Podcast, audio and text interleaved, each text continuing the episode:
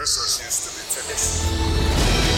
Some of the best speakers in the world. The purpose of business is not to maximize shareholder value. Whoever told you that, shoot them. It brings together so many people and creates this high energy environment. Powerful speakers, powerful audience. I denne episoden så skal vi til Summer Summit i 2023, hvor vi hadde en spennende diskusjon om hvordan posisjonere seg for vekst og lønnsomhet i 2023 og fremover. I panelet var Merete Verven, CEO Visma, Karl Johan Lier, tidligere CEO i Autostore, og Fridtjof Normann Lund, managing partner i McKinsey. Samtalen er ledet av dyktige Per Vallebrokk, så her er det bare å sette seg tilbake, eller gå videre med det du måtte drive med i livet ditt, og nyte en innsiktsfull og spennende diskusjon. Vel bekomme. Det føles jo som om eh, etter at det var, eh, det var dystre tider i fjor høst og i, i, i, vinter, hvor mange var bekymret for både inflasjon, for energikrise, for forsyningskildene sine, så har vi de seneste månedene kjent på at ja, men det er jo ikke så verst, det her. Arbeidsledigheten holder seg lav, det går kjempebra. Vi snakket om det rett før rett i sted, Fridtjof. At det, det, begynner å se ganske bra ut igjen. Men lurer vi oss selv? Det, skjer det noe større i norsk og internasjonal økonomi som fremdeles kommer til å straffe oss hardt down the line? Hva tror du, Fridtjof?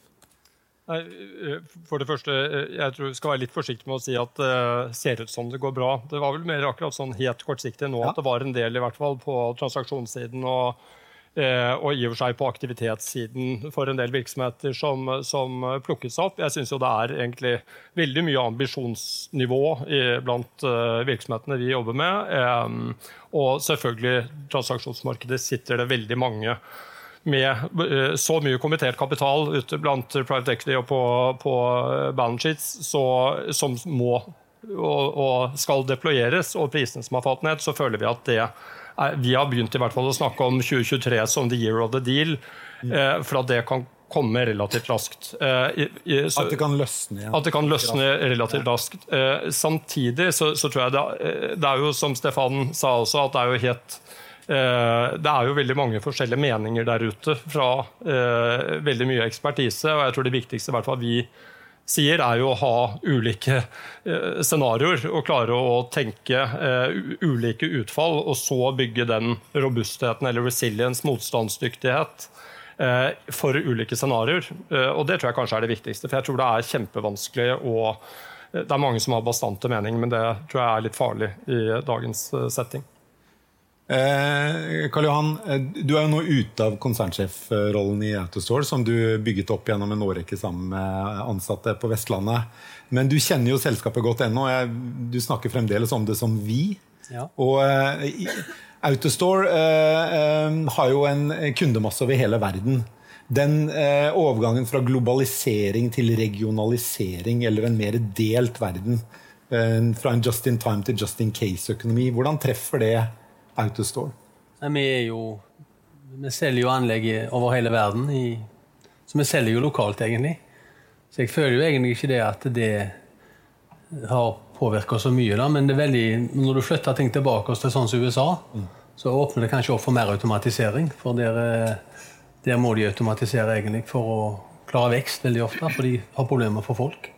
Så jeg føler vel egentlig for Autostore så så selger vi der som lagrene kommer, egentlig. Så det kan være godt nytt for dere med en mindre eh, globalisert verden? Det trenger iallfall ikke være negativt. Nei. Nei. I Visma, Merete, hvordan eh, opplever dere de tidene som er nå, med mye usikkerhet? Jeg tror vi alle har kjent på at de siste tre årene så har vi fått kastet på oss noen utfordringer som kanskje ingen av oss trodde skulle komme. Så det å tenke at uh, nå er det ro, uh, det er kanskje det farligste man gjør. Uh, vi, jeg opplever jo at vi i Visma er relativt resilient. Vi har produkter som kundene våre trenger i gode og dårlige tider. Vi opererer i markeder som er høynasjonale store forskjeller mellom landegrensene. Uh, ulike språk, ulike valutaer, ulike lover, ulike regler. Så vi har jo aldri operert i en global økonomi. Og sånn sett så er verden relativt lik i den settingen. Den er mer nasjonal for dere fra marked til marked? Absolutt. Ja. Mm. Er det en fordel? Det er i hvert fall eh, Jeg vil kanskje si at man kan dele verden inn i to. da. Litt Anglo-Saxon og også Continental Europe. Vi har holdt oss til Continental Europe, hvor du har store forskjeller mellom landegrensene som gjør at ikke du kan utvikle et produkt og dytte den ut på tvers av landegrenser. Det har sine fordeler, det har sine ulemper, men det gjelder å fokusere der man er gode. Og innen det området og innen den spotten der hvor det er høye inngangsbarrierer da, for å komme inn i vårt marked, eh, så har vi klart oss ganske godt. Mm. mm. Fridtjof, eh, hvilke bransjer er det dere ser for dere virkelig kan lykkes og trives i internasjonal økonomi fremover? Jeg, jeg tror det er et, kanskje et litt bredt spørsmål. Uh, jeg hadde håpet du skulle snevre det inn uten å kritisere spørsmålformuleringer. Jeg føler det er mange bransjer som kan tilsi internasjonal ja. økonomi fremover. Men, um, men, men jeg, jeg, tror bare litt på spørsmålet rundt hva skal si, det geopolitiske her. Um, det å forstå Eh, klare igjen eh, med scenarioet, men, men det å bli som du sier, litt en dypere forståelse for skal si, granulariteten i hva blir implikasjoner av ulike geopolitiske scenarioer. Det ble nevnt uh, semiconductors. Uh, hva er implikasjonen av en si, økt konflikt Kina-Taiwan? Hvordan vil det faktisk påvirke selskapene i sektoren? Det får egentlig alle utover i verdikjeden, som da avhenger igjen av uh, semiconductors på automotive-industrien etc. Altså det å klare å forstå, og, det har jo de siste årene lært oss på for, forsyningskjedene. Altså det å klare å ha en dyp nok eh, forståelse for eh, forsyningskjeden og, og, klare å se nettopp under ulike scenarioer med en tilstrekkelig grad av hva skal si, detaljgrad eller granularitet, ehm, eh, og klarer å se hva er det som kan hende.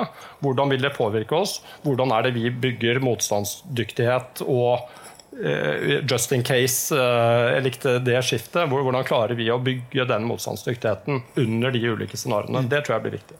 Ja, for Du fokuserte veldig mye på markedet for Autostores produkter, Karl Johan, men på innkjøpssiden, det dere trenger av eh, innsatsfaktorer for å bygge systemene deres. Hvordan tenker Autostore rundt uh, sikrere forsyningslinjer? Ja, vi har jo uh, i ferd med å sette opp en fabrikk ekstra i Asia uh, for å ha dual Eh, altså, og som ikke er i Kina? Ikke i Kina, ja. nei. Eh, for du trenger den sikkerheten, og eh, i forbindelse med det som skjedde rundt problemet med leveranser de siste to åra, så var vi egentlig veldig raskt ute og kjøpte inn til lager. Vi hadde, har et mantra det er ikke lov til å ikke kunne levere det som vi selger. Mm. Og om nødvendig så kjøper vi til lager. Og det gjorde vi i den fasen. og klarte du i den fasen å vokse 80 både i 21 og 22. da. Ehm, men eh, nå er det jo på vei tilbake oss. Ledetiden er på vei ned, og vi er i ferd med å bygge opp en ekstra fabrikk for å ha flere bein å stå på. Mm. Hvor bygger dere den? Den bygges i Thailand. I Thailand, ja. Hvor arbeidskostnaden er eh, ikke noe særlig høyere enn i Kina?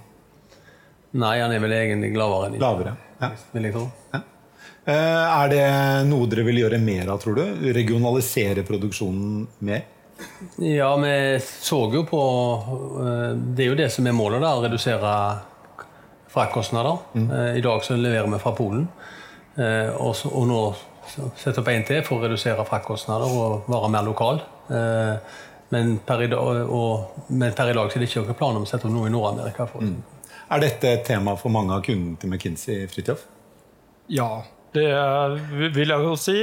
Og så tror jeg også et av temaene altså, Dette er jo en del av hele det skal si, resilience- eller motstandsdyktighetstemaet. Og det opplever jeg eh, Selvfølgelig det er utallige konferanser og, og, og, diskusjoner om det samme, men eh, vi ser vel at det krever på en måte en litt annen type ledelse. altså De siste årene, og egentlig med så mange ulike si, kriser eller trender som, som treffer oss samtidig.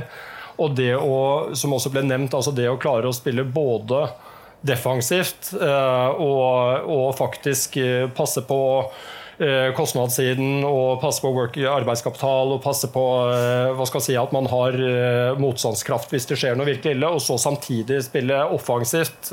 Vi har liksom hele det playing defense and offense samtidig, og klare å ha begge de tankene i hodet samtidig. og og vi har forsket en del på i alle, altså i tidligere store kriser så er det alltid det er en andel av selskaper egentlig på, i alle industrier som klarer seg bedre. Som har, det er en stor sånn forskning på resilience, som vi kaller det. Eh, og det, eh, hvor vi ser at Inn i krisene så var de ikke bedre posisjonert enn konkurrentene, men de klarte å ta valg i en krise, både finanskrisen i dotcom, i pandemien i for seg også, eh, hvor de etter krisen de klarte å ta valg som gjorde at de leverte bedre, de presterte bedre enn andre sammenlignbare selskaper. Og det vi ser at de har gjort, det er jo nettopp at de har vært enda si, modigere i noen av valgene de har tatt på kost. Så de har kuttet rett og slett kost enda hardere. Og så har de investert tyngre i en del vekstinitiativer.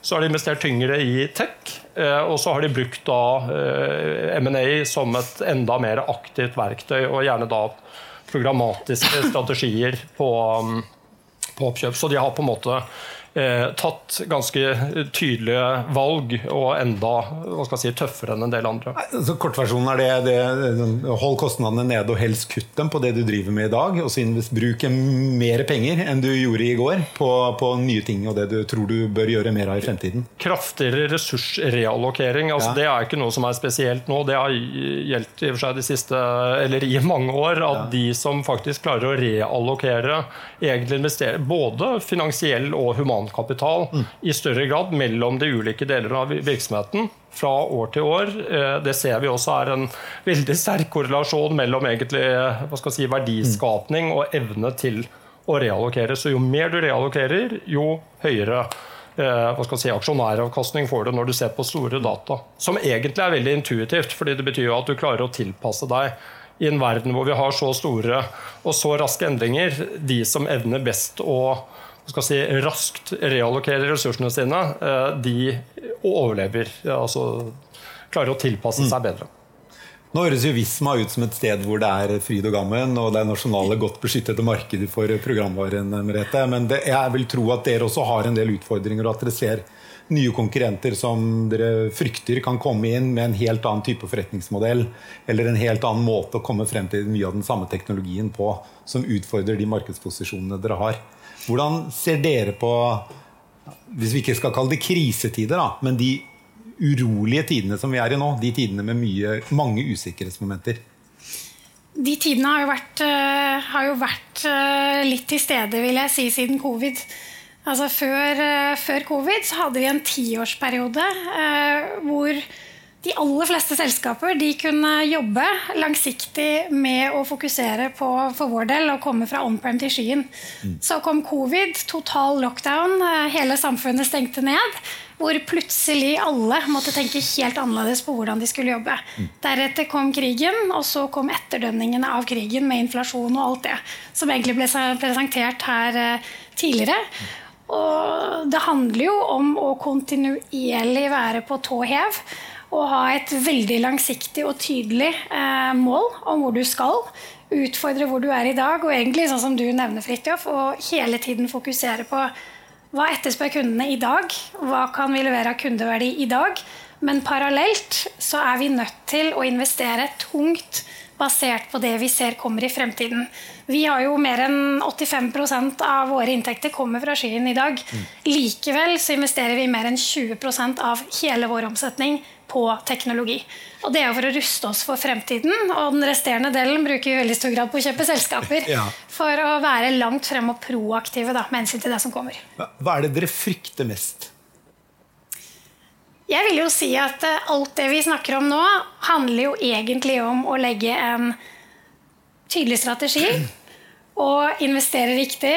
Eh, fornuftig kostkontroll i teorien er alt dette ganske lett. Det tror jeg alle som er ledere kan signere på. Eh, I praksis så skal du faktisk få med deg hele organisasjonen på å raskt være motivert til og engasjert for disse endringene. Mm. Og det er jo forskjellen på å tegne noen på et papir og faktisk få det til å skje i virkeligheten. Og det er jo der det blir vanskelig. Det er lett å snakke om ledelse, det er lett å snakke om hva man burde gjøre, hvor man skal. Det vanskelige er å få det til i praksis. Det er gjennomføringen av det å få med seg organisasjonen som er det som bekymrer deg mest når dere gjør store strategiske beslutninger? Eh, jeg vil jo si at Hvis jeg ser på vårt engasjement, så er det veldig høyt. Eh, det er veldig mye som går bra i Visma. Det betyr ikke at det er a walk in the park. For de som kjenner meg godt, så pleier jeg å si det er i hvert fall ikke kjedelig. Eh, for det er endringer hele tiden. Men det å kontinuerlig faktisk investere mye tid og krefter på å sørge for at du har de riktige menneskene med deg, involvert, at de forstår hvorfor vi må endre, at de har lyst til å være med, og gi dem friheten til å finne ut hvordan de skal komme dit. For micromanagement, det, det fungerer ikke, og man må være proaktive. Og så vet vi jo i snitt, så kan du lese i lærebøker, at 97% av alle mennesker de liker ikke endring. Jeg tror egentlig at veldig mange i større grad er positive til endring. Det alle vil være redd for, det er å være sikker. Å ha en sikkerhet i den jobben du har, og at du er verdifull også i fremtiden. Hvis du ikke føler deg sikker, hvis du sitter i baksetet av bilen og egentlig følger med hele veien, da setter du på bremsene. Men hvis du sitter i forsetet, er proaktiv og driver endringene selv og får det rommet og den friheten til å få det til, ja, da kan du faktisk få til vanvittige med endringer i et lystbetont miljø hvor innovasjon fremheves og verdsettes. Men da må man bygge en veldig tydelig kultur hvor det faktisk er noe som verdsettes, og tør, folk tør å gjøre feil. Vekstkultur er jo noe du virkelig har eh, erfaringer med, Karl Johan, fra en, eh, en liten plass på Vestlandet har Autostore blitt en eh, ganske betydelig teknologileverandør. Norsk teknologileverandør. Ja. Hvordan eh, går man fra å være den lille eh, fabrikken på Vestlandet til å bli en stor internasjonal aktør med enorme ambisjoner fremdeles? Du må jo bygge en kultur, da. Og det er jo en endringskultur, for det skjer noe hele tida. Mm. Og jeg tror jo våre folk egentlig eh, Jeg tror ikke de frykter endring, for det skjer hele tida. Og det, det må skje. Eh, og så må du være villig til å gå litt mot strømmen i en del sammenhenger. Tenke langsiktig. Eh, vi sier det, dette er ikke noe sprint, det er en maraton. Vi brukte 15 år på å bli lønnsomme. Sant? Men da la vi grunnlaget som gjorde at vi ble veldig lønnsomme etterpå, når vi fikk den veldig store veksten. Da. Eh, så jeg, jeg tror det at for, vår del så har vi vært i stand til å bygge en organisasjon over tid og fått tid til å gjøre det. Og, og, så har vi gått litt mot strømmen i en del situasjoner. F.eks. i pandemien, når um, veldig mange ble sagt opp, så tok vi, tok vi på gassen mm. og ansatte masse folk. Kun på Teams, for vi kunne ikke møte dem. Sikkert en del risiko, men det har gått veldig veldig bra. Uh, og det posisjonerte oss for å være klar til å ta en enorm vekst når uh, pandemien egentlig kom ut av uh, Når vi kom ut av pandemien. da. Er det noe du ligger våken om natta for når det gjelder Autostore? Er det noe du tenker dette kan endre alt? Nei, egentlig ikke. Sånn som jeg ser det i dag, så føler jeg vi har en veldig sterk posisjon. Eh, jeg er stor aksjonær. Eh, jeg selger ikke aksjer. Jeg tror at dette skal bli mye mye bedre framover. Vi er i et marked som er underpenetrert. Ca. 15% av lagrene i verden er eh, automatisert i dag. Vi tror at i løpet av de neste 30 årene så vil kanskje 80-90% være automatisert. Og det blir et marked som kommer til å vokse 15% i året mm. de neste 30 årene, kanskje. Og I tillegg da, så har vi et produkt som er veldig sånn, støtta av megatrender som e-commerce osv. Akkurat nå så har jo e-commerce kanskje vært litt negativt, men på lang sikt så er det en klar veksttrend. Eh, så jeg tror at Autostore har en veldig god framtid, og at eh, vi egentlig bare har sett begynnelsen. da. Mm. Eh, det er jo veldig vanskelig å sitte sånn som vi fire gjør nå, uten å komme inn på eh, kunstig intelligens. Det er noe alle snakker om for tiden. Eh, vi snakket om det i forkant av dette, denne samtalen også, at det, det er vi opptatt av. Noen ser jo for seg at dette er jeg husker ikke hvem det var som sa det her forleden. Dette er større enn den industrielle revolusjonen. Dette er så stort Eh, at vi, vi, aner ikke omfanget og rekkevidden av det. Eh, Fridtjof, er kunstig intelligens så viktig? Vil det bli helt totalt forandrende på denne verden? Uh, ja, vi, er nok også blant de som mener at dette her er et ekstremt si, stort skifte. Og så tror jeg man skal være litt forsiktig. Altså, akkurat nå er det jo veldig mye det er jo veldig mye hva skal jeg si, omtale om det. Hadde, I dag morges hadde vi noen av våre eksperter med et uh, private equity-selskap hvor, hvor, de sa at uh, Som, som resonnerte greit for de som uh, hørte på da. Liksom, det, det, er jo veldig mange nå som har på en måte åpnet uh, chat-GPT og fem ganger og skrevet inn, og så har du blitt liksom en ekspert på generativ AI. Mm. og det går jo ganske fort at mange har veldig sterke meninger om det, og hvor gjennomgripende det vil være. Vi snakket jo litt i forkant, og det blir veldig altså, spennende å høre Merete og hvor langt de har tatt det. Og det er klart at i enkelte altså i enkelte områder, både enkelte industrier og enkelte områder av virksomheten, så eh, er det jo veldig fundamentalt endrende. Altså det har jo en stor effekt på, på programmeringshastighet. Det, det, har en stor effekt i kundeinteraksjon, i kundesenteret etc. Eh, det er en del use cases som er eh, hva skal jeg si, veldig bevist, og hvor det har en veldig stor effekt. Og så er det samtidig og Det gjelder jo mange av disse eller hva skal man si, teknologiske gjennombrudd. Det er også veldig mye støy, eh, hva skal man si, støy rundt det, hvor det ikke er alt. Du gjør ditt beste nå for ikke å bruke ordet hype. Jeg merker det.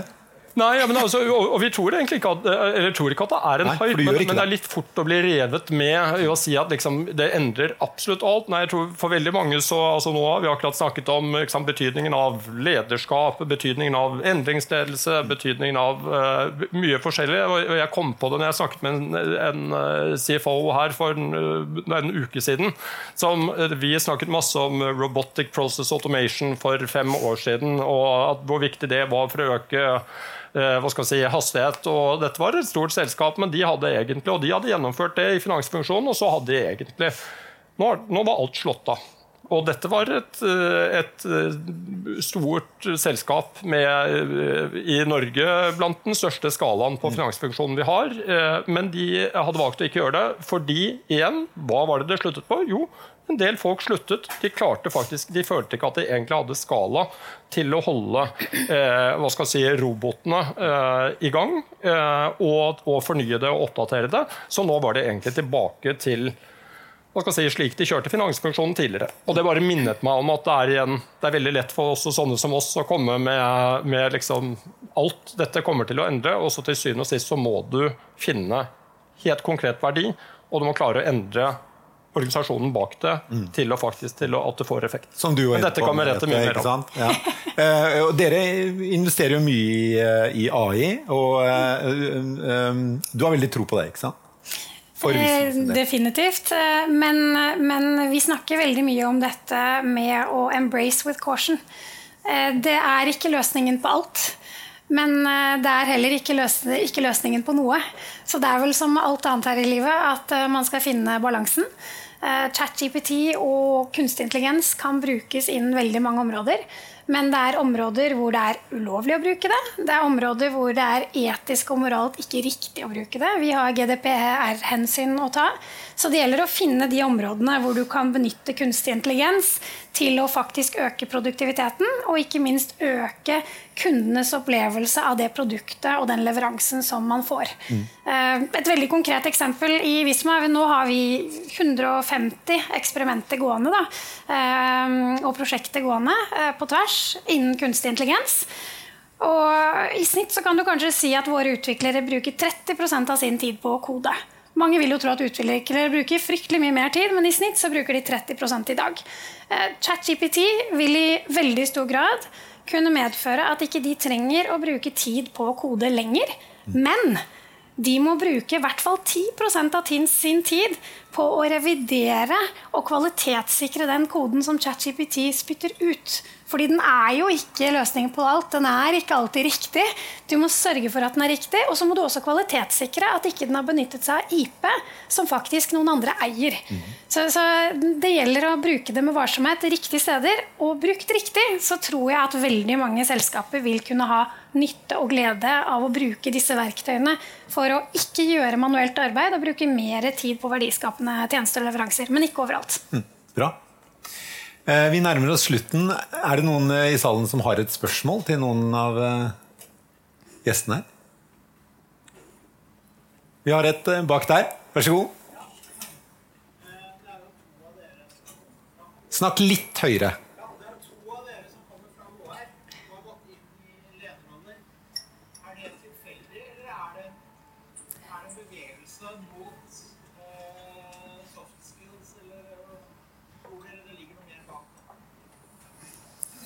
Jeg kan godt uh, Er den andre meg? Ja, var det jeg lurte på. Hvem er den, hvem er den andre? Jeg vet i hvert fall at det er meg. Ja, det er deg. Det, det visste jeg òg. Men Merete, da svarer du. Ja. Jeg tror at uh, en av de viktigste egenskapene som enhver leder trenger for fremtiden, det er jo å fokusere på å få med seg de riktige menneskene. Uh, og så betyr ikke det at man trenger å ha en bakgrunn fra HR, men jeg tror at man trenger å fokusere på å få med seg menneskene på alle de endringene som kommer. Eh, selv om vi er et softwarehus, så er det tross alt eh, menneskene som utvikler teknologien, eh, og menneskene som selger denne teknologien, og menneskene som skal videreutvikle teknologien og benytte den med varsomhet. Så de ledere som klarer å få med seg medarbeidere på endringer som stadig kommer fortere, og som faktisk bruker tid og investerer i det, og investerer i medarbeiderne, det er de lederne jeg tror på lang sikt blir respektert for kompetansen de har. For du skal ha stor kompetanse for å eh, lede, men du må også bli likt for den personen du er, og være opptatt av å få de riktige menneskene med deg. Bra. Jeg, jeg, jeg vet, vet, ikke om jeg var den andre. Jeg er jurist, så jeg, jeg var ikke helt HR. Men jeg studerte litt uh, organisasjon på et tidspunkt. Take it till you make it. Uh, ja, ja. Bare uh, late som det. Men det jeg tror, og det er jo litt sånn fra et McKinsey-ståsted, så syns jeg det var og Dette er jo ikke noe nytt nå, men vår tidligere, eller for to globale sjefer siden, Dominic Barton, skrev da eh, en bok for, for eh, ja, ti år siden, er det kanskje nå, syv-åtte år siden, eh, som er 'Talent Win', som egentlig også tok Eh, tok opp eh, poenget at det vi kalte det hellige treenigheten, så å si, CEO, CFO og CHRO. Og det egentlig tok opp, hvis jeg ser i hvert fall globalt i forhold til diskusjoner, så var jo ofte HR-sjefen var på en måte litt lenger nede kan du si, på rangstigen av EBP-ene i, i konsernledelsen. Eh, mens eh, poenget vårt i hvert fall, det er på en måte formet litt McKinseys hvert fall globale eh, syn på dette. Det er jo at det er jo finansiell igjen til reallokeringspoenget. Altså det å allokere finansiell kapital og humankapital. At det, de to henger ekstremt sammen, og betydningen av å faktisk få til den reallokeringen. Eller hvis du ser nå på private equity går jo akkurat i denne retningen. De bruker mye mer tid på å se på CEO-er og på nivået under. Hvordan sikrer vi talent bench strength i porteføljeselskapene våre? Hvordan har vi gode prosesser? De ansetter operating partners som kommer fra en tung HR-bakgrunn, eh, eller som har den typen eh, bakgrunn. Eh, så, vi ser på en måte at den rollen er elevert, kan du si, og enda viktigere kanskje enn det var for ti år siden. Jeg tror jeg vil gå såpass. Jeg tror ikke det er til spørsmålet. Jeg tror ikke dette er noe som har skjedd de siste, er de siste årene. Det er en gradvis overgang. Jeg tror Vi har snakket om en mer strategisk HR-funksjon de siste i hvert fall 15 årene, som jeg kan ja. huske. Så det er en Men uh, i en, i en, når vi rundet av med å snakke om kunstig intelligens, så, så, er det jo deilig da å kunne si at du må ha med deg folka uansett. Og til syvende og sist så er det vi som skal tilføre verdi. Tusen takk skal dere ha. Takk for at dere var tålmodige med oss. Some of the best speakers in the world. The purpose of business is not to maximize shareholder value. Whoever told you that, shoot them. It brings together so many people and creates this high energy environment. Powerful speakers, powerful audience.